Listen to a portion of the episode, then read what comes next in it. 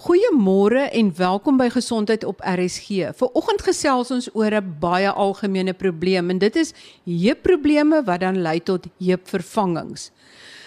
Ons almal ken een of ander iemand in ons familie of vriendekring wat al 'n heupvervanging ondergaan het. Maar presies hoe werk dit en wanneer is 'n heupvervanging nodig en kan daar dalk 'n tweede heupvervanging gedoen word op dieselfde heup? My gas vanoggend is Dr. Callie Ackerman. Hy's 'n ortopeed verbonde aan Netcare Blouberg en ons gaan dan nou gesels oor heupe en heupvervangings. Dr. Ackerman, baie welkom wat gebeur in die heup dat dit nodig is om 'n operasie te doen? Goeiemôre. Ehm um, dit is 'n baie algemene probleem. Ons doen heupvervangings hoofsaaklik vir ouer mense uh, waar die heup uitwerk. So dit is maar soos die Engelsman sal sê wear and tear. Die uh, heup is 'n bal in potjie gewrig en min of meer 3 tot 4% van alle mense sal op een of ander stadium uh, die heup laat uitwerk. Hy sal styf en seer raak uh, en dan is 'n heupvervanging 'n uh, baie goeie uh, opsie. Van al die operasies wat uh, alle chirurge doen, uh, is heupvervangings en katarak chirurgie die twee mees suksesvolle operasies waar mense voel uh, dit gee vir hulle presies wat hulle vir hulle dokters gevra het. As jy 'n katarak nodig het, is jy blind. As jy nuwe lense kry, kan jy beter sien as wat jy kon sien toe jy 16 jaar oud was. En as jy 'n heupvervanging nodig het, het jy pyn en styfheid. Uh, jy kan nie goed funksioneer nie, jy kan nie lekker loop, opstaan as jy sit nie. En na jou vervanging is jou funksie normaal. Jy het geen pyn nie, jy het goeie beweging en jy kan ten volle funksioneer. Uh, ons doen ook heupvervangings in jonger mense wat ander heupsiektes het wat ons nie meer gewrigsbesparende operasies suksesvol kan aanpak nie. Voordat ons by die ouer mense kom, gee ons net vinnige oorsig oor daai heupprobleme by jonger mense wat kan lei tot 'n vroeë heupvervanging. Uh, so die algemene siekte toestande of kondisies in jong mense wat heupprobleme gee, is maar 'n uh, heupdisplasie soos uh, babatjies wat uh, gebore word met heupies wat ontwrig of ontwrigbaar is en waar die potjie dan nie goed ontwikkel is nie. Uh, die heupies begin dan al hoe meer subluxeer uh, en as hulle nie op 'n vroeg genoegde ouderdom bedek word of die um, heup gebalanseer word met chirurgie nie lei dit dan tot artritis en daai pasiënte kan dan op baie jong ouderdomme uh heupvervangings benodig. Dan het ons ook Perthes se siekte wat eintlik maar avaskulêre nekrose is, so veral in seentjies uh hierso 5, 6, 7 jaar oud uh gaan uh, die kop van die uh van die femur dood uh, en dit lei dan tot 'n inkongruente gewrig weer eens as jy dit nie op 'n vroeg genoegde stadium met ehm um, braces, uh, ortoses, uh, spalke en operasies behandel nie en dit kan dan tot 'n uh, vroeë artritis lei. Uh, dan ook uh, geglyde epifyses uh, waar gewoonlik redelike fris aktiewe jong mense in 'n baie kritiese stadium van die heup groei kan die kop afgly. Uh, en as dit nie dadelik reg behandel word nie en tot deformiteite lei, kan dit dan ook tot artritis lei in jong mense en dan natuurlik ook beserings en infeksies.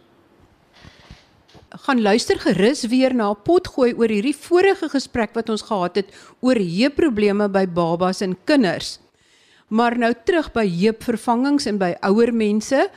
Dokter Ackerman, is dit meer onder mans of onder vrouens of is dit maar redelik gelyk dat jy heupvervangings moet doen by ouer mense? dit is redelik uh, gelyk. Dis omtrent 3 tot 4% van mense wat oor 60, 65 jaar oud raak, sal artritis van hulle heupgewrigte kry. In jonger mense is die vrouens 'n bietjie meer algemeen met die artritis van displasie.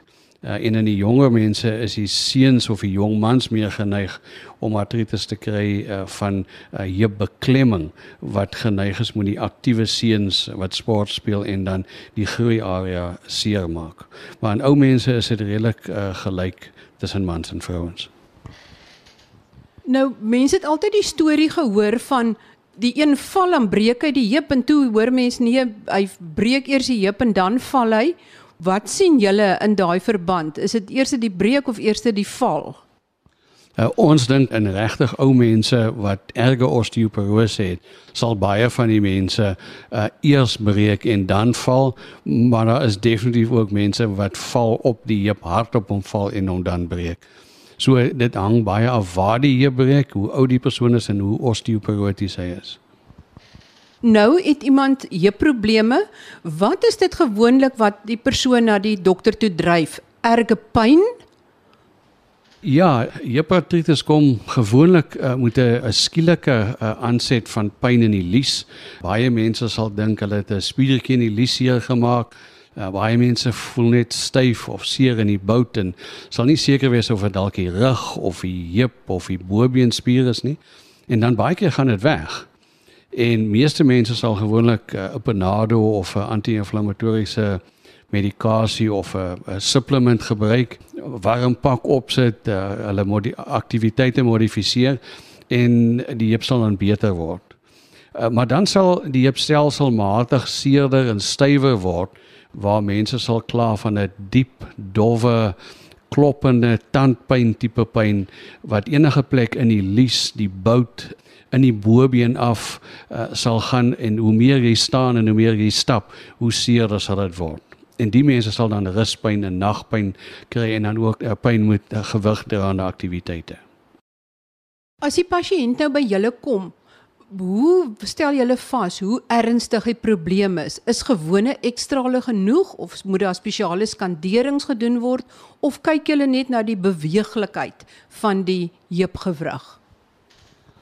Ek het gister weer vir 'n pasiënt gesê 90% van die inligting wat ek nodig het om te sien of 'n pasiënt 'n heupvervanging nodig het, sal van die geskiedenis wees. Deur net met die pasiënte gesels te hoor hoe lank hy seer is, waar hy seer is, wat dit seer maak, wat dit beter maak, wat daarvoor help en wat nie daarvoor help nie en dan 'n kliniese ondersoek.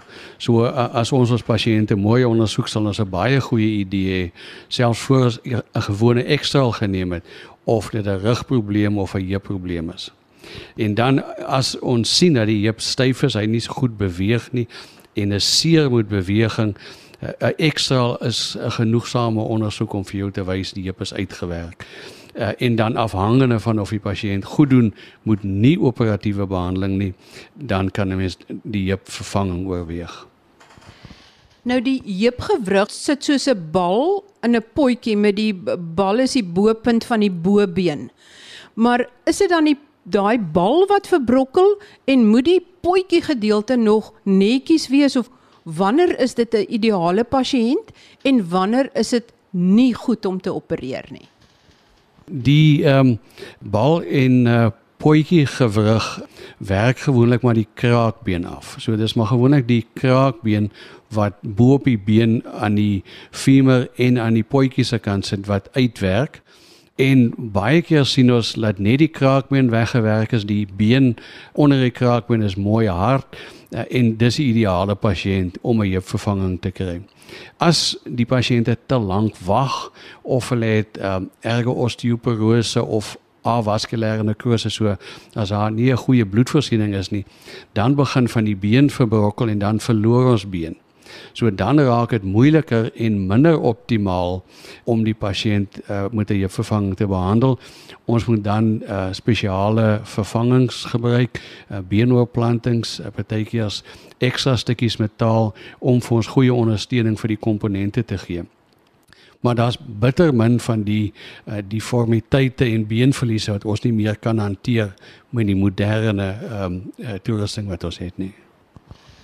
Vertel vir ons meer van daai metaal en presies hoe jy dit dan regmaak. Wat sny jy weg en word daar penne in die skagte van die bene gesit en word daar iets in die potjie deel gesit? Presies wat doen jy?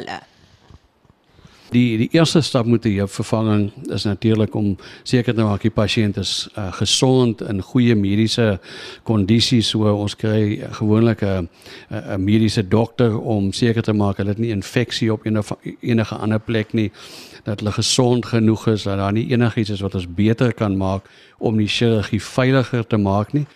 Uh, ons het gelukkig baie goeie narkose tegnieke deesdae uh, of dit nou 'n um, 'n spinale narkose of 'n epiduraal of 'n algemene narkose is en dan baie goeie blokke vir na die tyd vir pynverligting.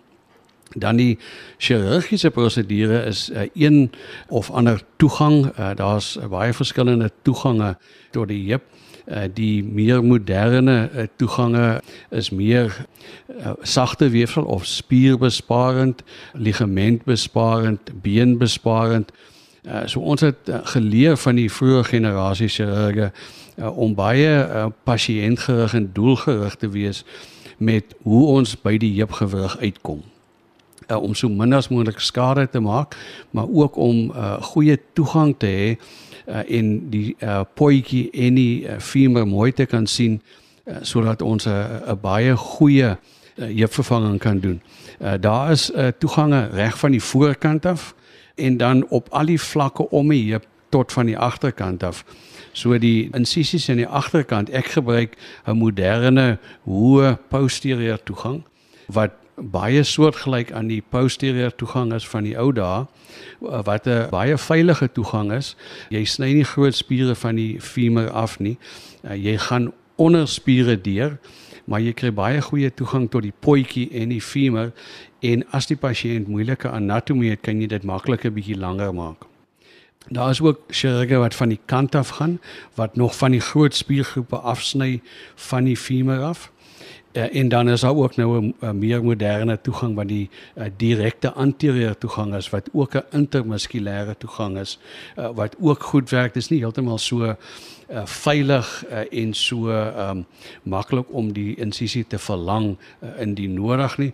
Maar as jy 'n chirurg het wat enigiets van daai moderne toegange goed kan doen, is jy in goeie hande sit jy iets binne in die skag, hoe versterk jy daai metale wat jy nou insit en wat so soort metale is dit?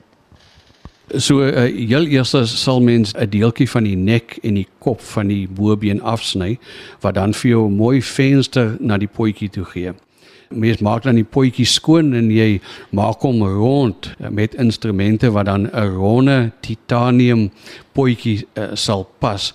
'n Titanium potjie wat binne in jou bene gepotjie pas. Uh, ons sit dit dan baie versigtig in dat hy op die regte posisie sit, dat die senter van rotasie op die beste plek sit, dat jou spiere die beste sal werk en die heup nie sal dislokeer nie.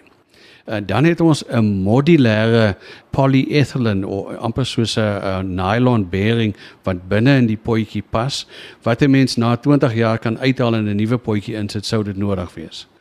En dan maak 'n mens 'n gat in die femur of in die dijbeen en dan uh, sal ons hom nou groter maak tot ons 'n titanium ongesementeerde stem in baie pasiënte of baie keer 'n gesementeerde stam in ander pasiënte sal insit wat jy weer eens ook jou beenlengtes uh, baie fyn kan beplan en die offset van die middellyn af uh, perfek kan kry om vir die pasiënt die beste biomeganika te gee. En dan as jy klaar is met dit, maak jy seker dat die beenlengte reg is, dat die heup mooi stabiel is. Jy sit 'n kop op die stam wat in die uh, dijbeen kom. En ek gebruik nou net uh, keramiek of seramiek koppe wat nie probleme gee tussen die kop en die titanium stam nie. Ons het nou in die laaste paar jare gesien die die ou metaalkoppe gee maar probleme in sekere mense wat dan die heup gouer laat uitwerk. So met die moderne polyethylene of uh, die insert wat ons in die uh, socket sit uh, wat ons dan ook in 'n Vitamiin E uh, omgewing voorberei kan ons seker wees dat die polyethylene 20 jaar plus sal hou sonder om te verweer of te oksideer en dan met die keramiek koppie uh, is die verweringstempo uh, is baie laag en is um, baie gesonde metaal uh, wat die heup uh, weefsel baie van hou. As jy praat van keramiek dan dan sit seker nou nie soos keramiek koppies nie. Ja, ek ek het hier vir jou 'n voorbeeld, so mooi pink kleur. Dit is spesiaal vir heupvervangings gemaak. Uh, dit is 'n tipe alloy. Uh, dit is hard uh, en baie glad uh, en dit werk baie mooi as dit uh, op nog 'n keramiek artikuleer of dan op die uh, polyethylene artikuleer. Nou die vraag, iemand het nou 'n heupvervanging gekry, kan daar iets verkeerd loop? Kan dit verbrokkel en as daar dan nou nog verdere verwering is, kan mens dit weer vervang? Ja, verseker my mentor in Seattle het uh, 30 jaar terug uh, so 'n praatjie gehad met die uh, New York uh, Sun en uh, hy het vir hulle gesê die moderne heupvervangings kan vir ewig hou mits die pasiënte vir geskeduleerde opvolge gaan. En uh, ons sien pasiënte jaar 1, jaar 2, jaar 7, 9 elke tweede jaar en ons gee hulle mooi riglyne waarvoor om uit te kyk. So as die heup na 15 jaar styf raak, voel of hy wil ontwrig, 'n uh, bietjie seer raak uh, as die been voel of hy wil opswel dan neem ons ekstra hulle as ons dan meet dat die die socket se uh, liner te veel uitgewerk het. Of as ons sien dat daar van die been begin oplos uh, om die komponente dan kan ons 'n baie beperkte uh, revisie hier vervang doen waar ons net die kop uithaal 'n uh, sinevektomie doen die liner uit die uh, acetabulum of die die socket uithaal en dan net nuus insit en dan kan die pasiënt weer van voor af begin. As 'n mens dit ignoreer of te lank wag, dan kan daar te veel been en sagte weefsel verlore gaan en dan moet ons die komponente uithaal en revisiekomponente insit die pasiënte kan dan uh, begin dislokeer en mense moet dan komponente insit wat nie kan dislokeer nie. Maar soos 'n mens meer chirurgie moet doen en groter uh, nuwe revisiekomponente insit, so raak die risiko's groter, die koste raak hoër en ook die finale um, pynverligting raak minder. Dokter Ackerman, dit klink vir my baie tegnies. Ek neem aan dat dit verkieslik is dat mens miskien ekstra opleiding kry om juis hierdie herhaal operasie te doen. Sou jy voorstel dat dit verkieslik is? Ja, ek ek dink definitief so. Um, ek het 3 en 'n half jaar algemene ortopedie gedoen voordat ek my fellowship training vir skoon die Engelse woord in Seattle gaan doen het. Dit was baie waardevol vir my. Uh, ek het beginsels geleer by mense wat voor my uh, die werk gedoen het en uh, uh, fellowships gedoen het 20 jaar voor dit. Dit het my baie vinniger in staat gestel uh, om die regte behandelingsopsies vir my pasiënte te kan doen. Uh, ek het toe gelukkig ondervinding gekry in Kanada vir die laaste 16 jaar en 'n hoë volume revisie heup en knievervangings gedoen en ek is gemaklik om uh, 'n uh, groot variëteit van revisies te doen van die heel kleinste revisies net om 'n kop of 'n liner te ruil tot die heel grootste revisies. So ek dink dit is verkieslik om iemand wat ondervinding en opleiding het met die revisies veral uh, om dit te doen en ook met jong mense. Die jong mense het gewoonlik die formiteite en 'n uh, um, 'n moeilikheidsgraad wat bietjie moeiliker is as die ou mense wat hier vervangings kry. So daar is baie waarde uh, vir hulle om 'n kundige gewrigsvervangende uh, ortopediese hulp te soek. As jy 'n gemiddeld moet gee van hoe lank hou uh, heupvervanging voordat daar weer daarna gekyk word vir daar dalk 'n revisie nodig is. Kan jy rofweg 'n gemiddeld gee? Ja, ons het baie goeie data van Kanada het nou uh, 'n registrasie Engeland en Ierland, die Skandinawiese lande en Australië wat hulle die uitkomste meet. So ons begin dit nou in Suid-Afrika ook doen. Ek het nou onlangs ingeskryf om deel te wees van die registrasie dat ons en ander mense kan sien hoe lank uh, ons uh, vervangings doen en uh, hoe goed die pynverligting is en hoe, hoe min of baie ons komplikasies is. Maar ons weet van die registrasies dat uh, jong mense uh, se heupe nie so lank hou soos ou mense se nie. Uh, ons het nou ook die um, voordeel van die studies om te sien uh, wat se materiale beter doen as ander materiale uh, of die ongesementeerdes beter as die gesementeerdes werk en dan ook die artikulasie oppervlakte. So ons het nou gesien dat uh, almal van ons gebruik nou maar die highly crosslink polyethylene as 'n bearing surface um, in die socket. En meeste van ons gaan nou oor dat ons 'n ceramic of porselein koppe gebruik. En daar's nog ander klein goedjies wat ons ook uitsorteer wat ons sien wanneer pasiënte beter doen as ander. Maar die boodskap is maar net die jonger mense uh, gebruik die heup meer hulle loop meer, hulle gebruik dit meer so daar is maar meer verwering. Maar as hulle dit gereeld laat diens, eh, kan hulle ook vir ewig eh, staande en lopende bly uh, sonder dat uh, daar nie meer hoop is of dat hulle in 'n rolstoel hoef te sit nie. Dokter, jy het self twee heupvervangings gehad. Hoe lank terug was dit en hoe loop jy? Hoe voel jy na dit? Ek het 3 jaar terug al twee my heupe laat vervang, 6 weke uitmekaar uit. Ek het so 'n paar jaar gevat om tot die besluit te neem om as 'n relatiewe jong mens my heupe te laat vang. Ek was 50 jaar oud toe ek my eerste heupvervanging gekry het. Ek kan regtig sê nou uh, ek kan maklik vergeet dat ek ooit 'n heupvervanging gehad het. Ek draf, ek spin, uh, ek ry fiets, ek windsurf, kitesurf, speel in die see. Ek het basies geen aktiwiteite wat ek nie sal doen of kan doen met die heupvervangers wat ek het nie. Dis eintlik merkwaardig. Dokter Ackerman, as jy 'n finale boodskap moet gee van iemand wat aan die ontvangkant was, maar ook iemand wat aan die snykant staan, vir pasiënte daar buite. Wat sal jou boodskap wees spesifiek oor heupvervangings? Ek dink vir my uh, was die grootste uh, oorwegende faktore ek kon werk, ek kon vir my familie versorg, maar ek kon niks anders doen nie. So uh, ek het basies gewerk, uh, by die huis gekom en pynpille gedrink. Toe ek op 'n dag net besluit tot hiernatoe en nie verder nie en ek wens nou ek het dit vroeër laat doen. En dit is die boodskap wat my pasiënte vir my gee na jou vervangings. Jo, uh, ek wens ek was nie so bang nie. Ek wens ek het voorheen met jou kom praat. Ek wens ek het dit gouer laat doen dat ek gouer aan die gang kon gekom het. My tweede grootste probleem was uh wie om my heup te vervang. Uh, ek kon dit um, verniet gekry het in in Kanada, in enige plek in Kanada maar ek was bereid om uh, 30000 dollars US te betaal uh, om na een van my mentors toe te gaan wat my geleer het laat hy my heupe vervang want ek het hom geken, ek het geweet wat hy doen en ek het vertroue in hom gehad.